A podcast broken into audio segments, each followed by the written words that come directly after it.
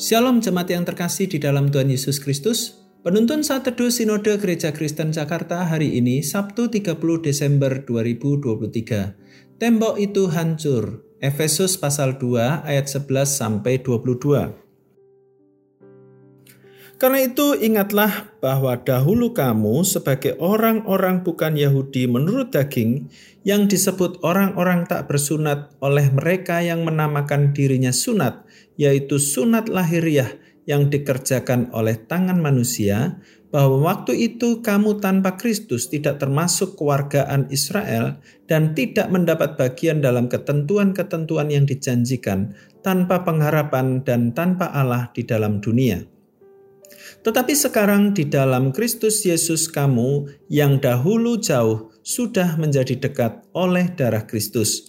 Karena dialah damai sejahtera kita yang telah mempersatukan kedua pihak dan yang telah merubuhkan tembok pemisah yaitu perseteruan Sebab dengan matinya sebagai manusia, ia telah membatalkan hukum Taurat dengan segala perintah dan ketentuannya untuk menciptakan keduanya menjadi satu manusia baru di dalam dirinya dan dengan itu mengadakan damai sejahtera dan untuk memperdamaikan keduanya di dalam satu tubuh dengan Allah oleh salib dengan melenyapkan perseteruan pada salib itu.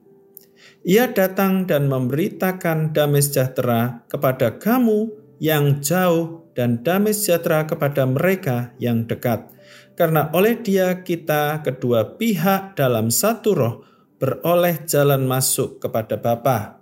Demikianlah kamu bukan lagi orang asing dan pendatang, melainkan kawan sewarga dari orang-orang kudus dan anggota-anggota keluarga Allah yang dibangun di atas dasar para rasul dan para nabi dengan Kristus Yesus sebagai batu penjuru.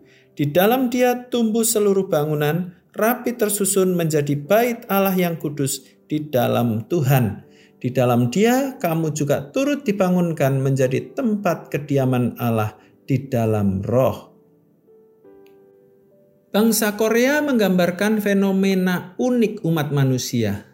Selama ribuan tahun bangsa Korea adalah bangsa yang utuh, namun karena perbedaan ideologi dan politik, bangsa itu membangun tembok yang tinggi dan terbagi menjadi dua negara di utara dan selatan. Pertanyaannya, mana bangsa Korea yang asli? Apakah yang utara atau yang selatan? Fenomena ini tidak eksklusif terjadi pada bangsa Korea saja. Sejatinya, konflik yang demikian selalu terjadi pada manusia sepanjang zaman. Bangsa Israel pada masa lalu pun sempat terpecah menjadi dua kerajaan, utara dan selatan. Kerajaan utara pada masa Perjanjian Baru disebut sebagai orang Samaria yang berbeda dengan orang Israel yang dianggap asli dan suksesi dari umat Allah di masa lalu. Namun, Rasul Paulus menyatakan sebaliknya bukan saja orang Samaria dan orang Israel yang diruntuhkan temboknya, namun tembok bangsa itu dengan seluruh dunia diruntuhkan dan digantikan menjadi bangunan baru yang dibangun di atas dasar para rasul dan para nabi dengan Kristus Yesus sebagai batu penjuru. Dalam Kristus tumbuh seluruh bangunan rapi tersusun menjadi bait Allah yang kudus. Tidak lagi berbicara tentang kerajaan Israel mana yang asli, utara atau selatan, namun kerajaan Allah yang dibangun oleh Kristus. Bagaimana dengan kita hari ini? Masihkah ada tembok pemisah dalam relasi Anda dan sesama? Perbedaan suku, bahasa, latar belakang, bahkan favoritisme terhadap sesuatu, serta denominasi gereja dapat membangun tembok yang memisahkan Anda dengan sesama, serta mengasingkan orang lain.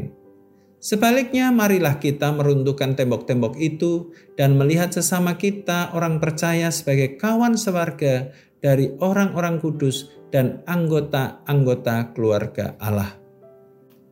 Et Maiorem Dei Gloriam bagi makin besarnya kemuliaan Allah oleh Ignatius Loyola. Selamat beraktivitas, Tuhan Yesus memberkati.